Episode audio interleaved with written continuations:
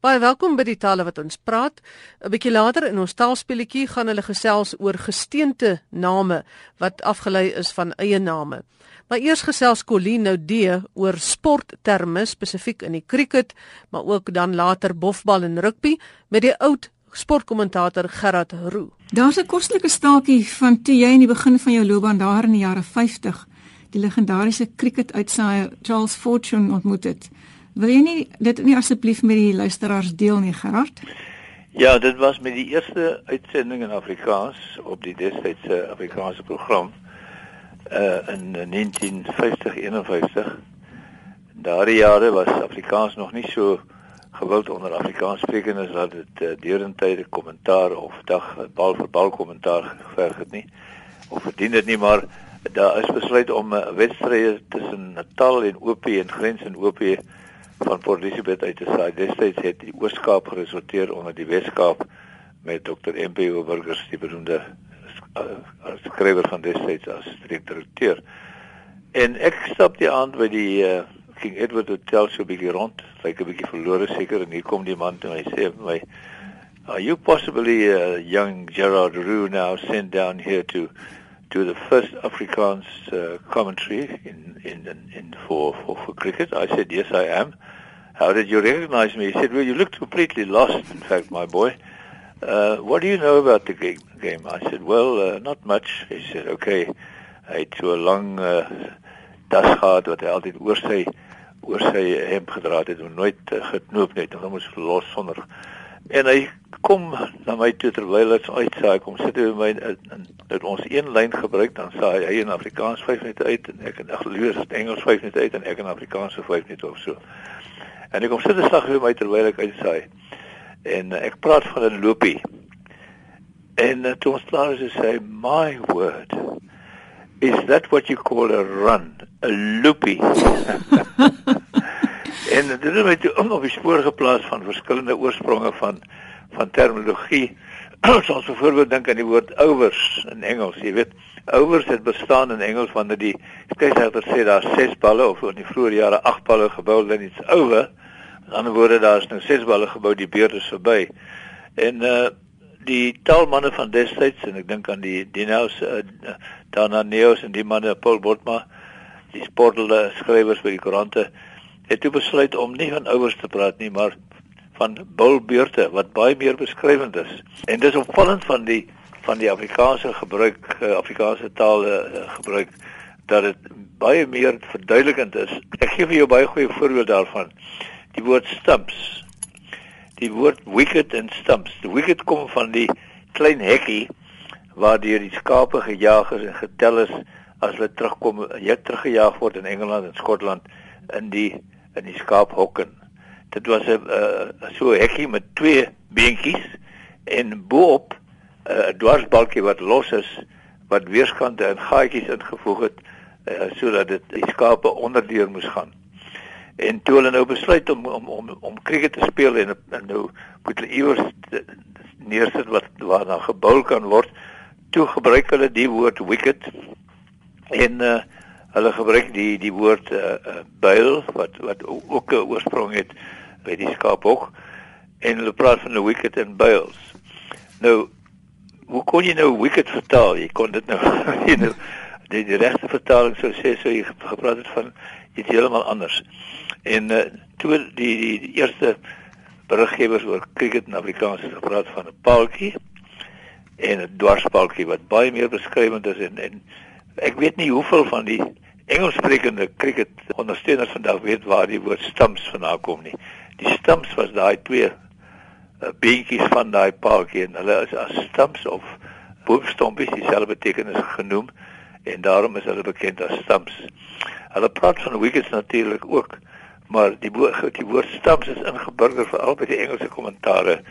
Hulle praat selfs van stumps wanneer die die dag se spel beëindig hulle van at stumps the score was such and such. Die slips of terwyl die die spelers wat in daardie posisies diens doen, die doen uh diens agter die of skuins agter die paaltjiewagter. En die paaltjiewagter was was veronderstel om weerskante te duik. Baie van hulle, jy weet, Belcher en al die topbalkie wagters die duik vir die bal. Maar as hulle die bal laat glip of miskien net misvat, dan was daar gewoonlik 'n man so 2.5 tree agter hulle eerste glip en dan 'n man nog bietjie verder aan tweede glip slug slip en gewoonlik het jy soms vier sulke glippe gehad en dan die bal verneig uitgeswaai het na die uh, regterkant of die linkerkant afhangende van watter of dit 'n linkskolwer of 'n regskolwer is. En die woord glip was baie ook absoluut net so betekenisvol want dit het beteken die bal het het van die kolf af geglip en eintlik het dit buite bereik van die van die paartjie wat ter gekom en daarom het een van een van die glippe dit raak gevat. En tussen die derde of vierde glip is 'n man wat 'n bietjie wyer staan, meer haks met die eh, met die met die kolfstreep en daarin is so 'n opening en dit word beskryf as die gully of die gangetjie net so in die algemeen gesien. En die laaste een is net hat-trick. Ek wonder hoeveel Engelssprekers weet waar hat-trick vandaan kom.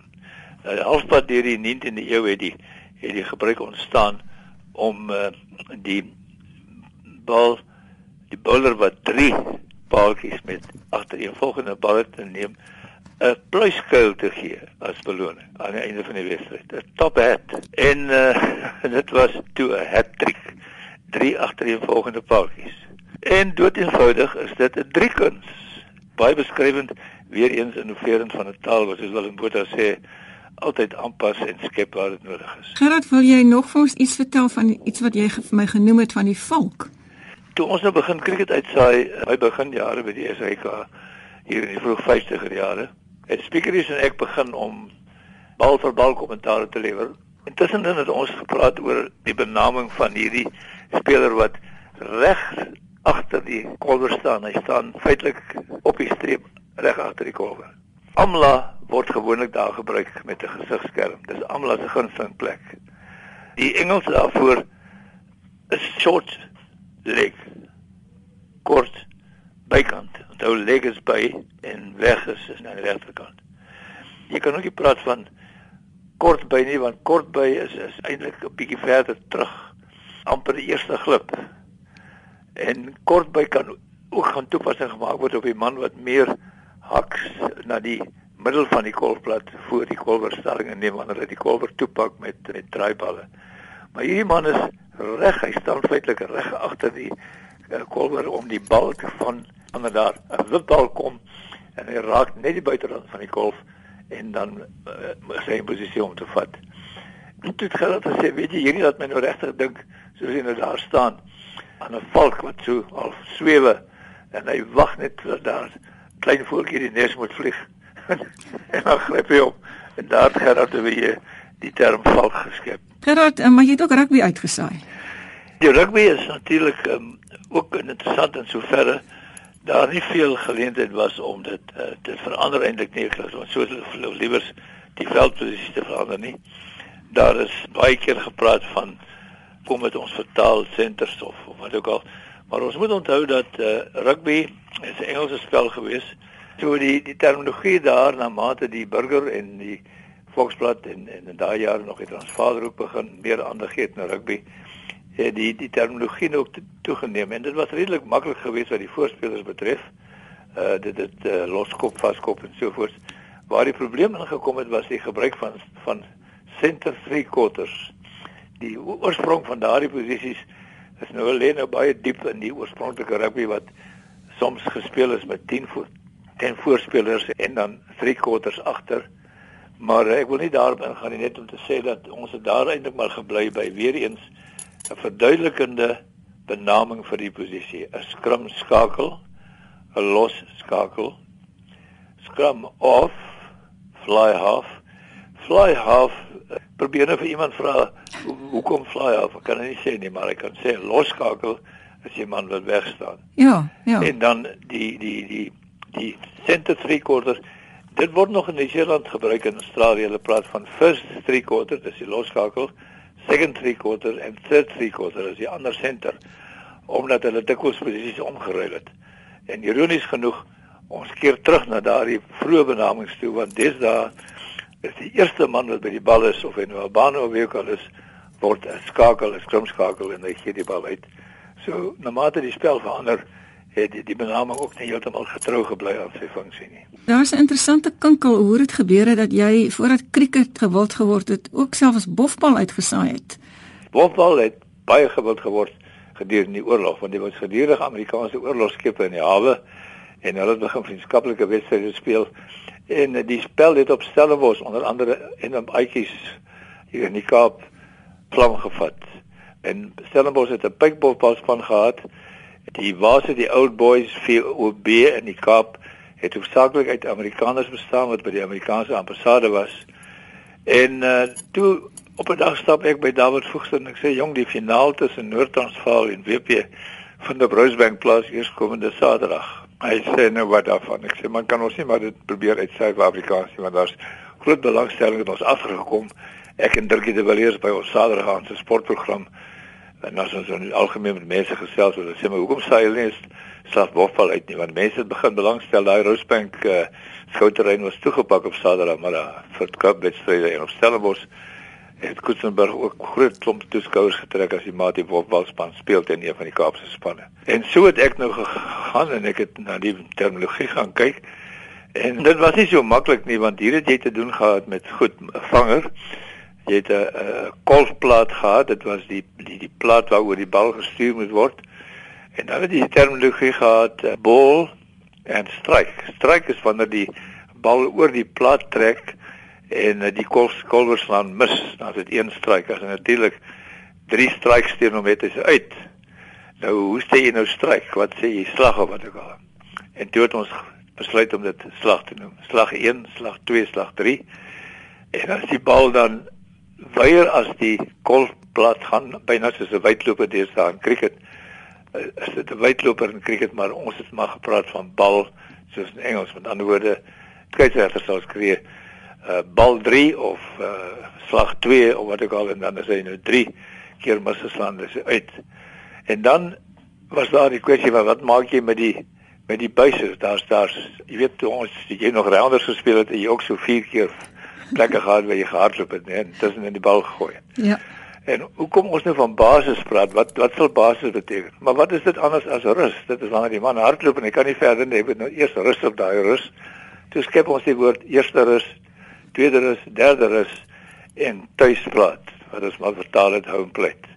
En een wat so lekker gesels het oor sportterme, veral cricket en dan bofbal, rugby, Gerard Roo, 'n voormalige Suid-Afrikaanse en veral Afrikaanse sportkommentator. Colino D het hierdie bydrae versorg. En nou sluit ons aan by Gerard van Huisteen vir die taalspeletjie. Die gebruik van hoofletters en kleinletters is dikwels verwarrend in Afrikaans, veral wanneer dit gaan oor woorde wat gevorm word op basis van 'n eie naam. So vir vandag se vasvraag, moet jy sê of iets met 'n hoofletter, met 'n kleinletter of met albei geskryf kan word. En natuurlik sommer ook hoe dit gespel word. Ons val weg met 'n soort gesteente Thomsoniet. Einsteinium Hertsogiet. Christen. Onchristelik. Boeddhisme. Afrikaner. Afrikanisasie. Tomme Klaglin, voormalige voorsitter van die Taalkommissie en 'n bekende taalpraktisyn by Unisa, is weer vanoggend hier om ons te help. Tom, ons spring weg met Tom se nuut wat seker op 'n manier na jou vernoem is, nie waar nie? Nee, ja, maar die geraad my Tom is sommer net T O M, maar hierdie een is T H O M. Dit is uh, berus op die Engelse van Thomson en daarvan is die afleiding gevorm Thomson nie en dit verwys na 'n sekere gesteente en uh die reël sê daar eenvoudig dat die uh, dat gesteente name al berus hulle op so 'n persoon se eie naam of 'n ander eie naam word met 'n klein letter geskryf. So hier het ons T H O M S O N I E T. En dieselfde geld eintlik vir die chemiese element Einsteinium. Uh hy word ook met 'n klein letter geskryf. Dit is die naam Einstein wat dan uh die af die afleidings of op die end I U M by kry so die chemiese element word einsteinium genoem. Al van hulle dus met klein letters. Tom, en weet jy wat is einsteinium se afkorting en sy uh, elementnommer? Wel, ek moes 'n bietjie gaan kyk na wat einsteinium is. Ek is nou nie eintlik 'n uh, 'n uh, uh, chemikus nie, maar sy sy afkorting is ES en sy atoom uh, is 9999. Hy word ook 'n transuraniese uh, element genoem. Kom ons gaan dan na hertsogiet. Ons het 'n hele klomp sulke woorde in Afrikaans waar iemand 'n uh, volgeling is van 'n belangrike figuur. En soos byvoorbeeld uh politieke leiers en en so meer. Uh in die geval in so sulke gevalle kan jy in Afrikaans besluit of jy 'n hoofletter of 'n klein letter wil gebruik. 'n Mens kan dus Herzogiet of Thatcheriet of Malaniet of wat jy ook al wil, kan jy dus met 'n hoofletter of 'n klein letter skryf. Dieselfde geld sulke soos Freudian byvoorbeeld of of uh, uh Johannes jy kan daar besluit of jy 'n hoofletter of 'n klein letter wil gebruik. In die geval van Christen het ons natuurlik ook 'n uh, 'n 'n volgeling wat afgelei is van 'n eie naam, die eie naam hier is Christus en ook hier het mense keuse tussen 'n hoofletter en 'n klein letter. En dieselfde geld natuurlik ook vir Christelik wat 'n mens uh, met 'n hoofletter of 'n klein letter kan skryf. Nou uh sommige mense kyk in die in die Afrikaanse woordlyse spel en dan sien hulle net Christen met 'n klein letter en dan word hulle vies want hulle dink hulle hulle moet dit nou so skryf en dan hulle op die ou end net nie na die reël gaan kyk nie. Die reël sê duidelik jy kan as jy dit verkies 'n hoofletter gebruik of 'n klein letter as jy dit sou verkies. Maar by onchristelik het ons nie 'n keuse nie.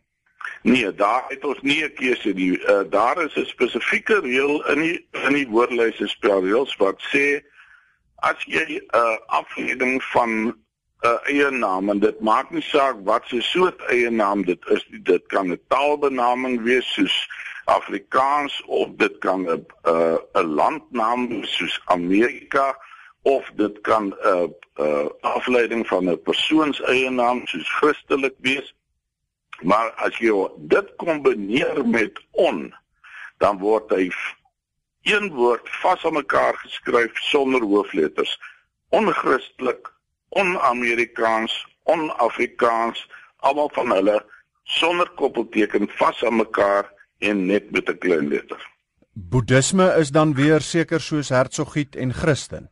Ja, dit is so Daar is 'n hele klompie van hulle wat spesifieke soort uitgange het soos isme of istiek of isties wat 'n spesiale reël in die woordlyse spelreëls het wat jy ook sê jy kan dit met 'n hoofletter of klein letter skryf en dit is uh, na elke mens se persoonlike smaak. Jy kan daar boeddhisme met 'n hoofletter of 'n klein letter skryf al is die naam Boeddha deel van hierdie afleiding En eh, kom ons spel hom net gou-gou. Dis B O E D D H I S M E. Ja, hy is nogal 'n moeilike een om te spel veral omdat die mens nie daai dubbel D daar verwag nie. Dis hy. Dom dan die laaste twee Afrikaner en Afrikanisasie. Ja, as Afrikaner verwys na 'n persoon Uh met ander woorde, kom ons sê net maar min of meer Afrikaans sprekende mense wat in Suid-Afrika gebore is of hoe jy dit ook al wil definieer, dan skryf jy dit met 'n hoofletter. Want dan is dit 'n afleiding wat gevorm is van die uh land nou of die geografiese naam Afrika. Maar nou kan Afrikaner natuurlik ook na ander goed verwys soos byvoorbeeld blommetjies of 'n soort beesras of so iets en dan het jy die keuse dat jy dit op klein letter kan skryf. Trouwens as jy praat van Afrikaners wat ek in my in, in die bedding geplant het, dan sal jy dit nooit eintlik letter skryf nie. In die geval van die beesras het jy 'n keuse behalwe as dit natuurlik jy massa moord gepleeg het of so iets uh en jy begrawe hulle dan in jou tuin dan is dit 'n ander storie. Uh af, en Tom en dan laastens gou Afrikanisasie? Ja, interessante een. 'n Mens moet onthou dat as jy 'n werkwoord vorm gaan 'n een naam of dit nou 'n landnaam of 'n taalnaam of wat ook al is, dan word hy in Afrikaans met 'n klein letter geskryf. Met ander woorde, as ek sê uh president Mbeki was bekend vir sy afrikanisering of hy wou die die politiek afrikaniseer, dan is afrikaniseer met 'n klein letter want dit is die werkwoord. As ek nou van daai werkwoord verdere afleidings vorm, soos byvoorbeeld afrikanisasie of afrikanisering, dan behou hy insgelyks die klein letter van die werkwoord. Maklik genoeg. Tom, baie dankie. Ons gesels graag 'n volgende keer weer.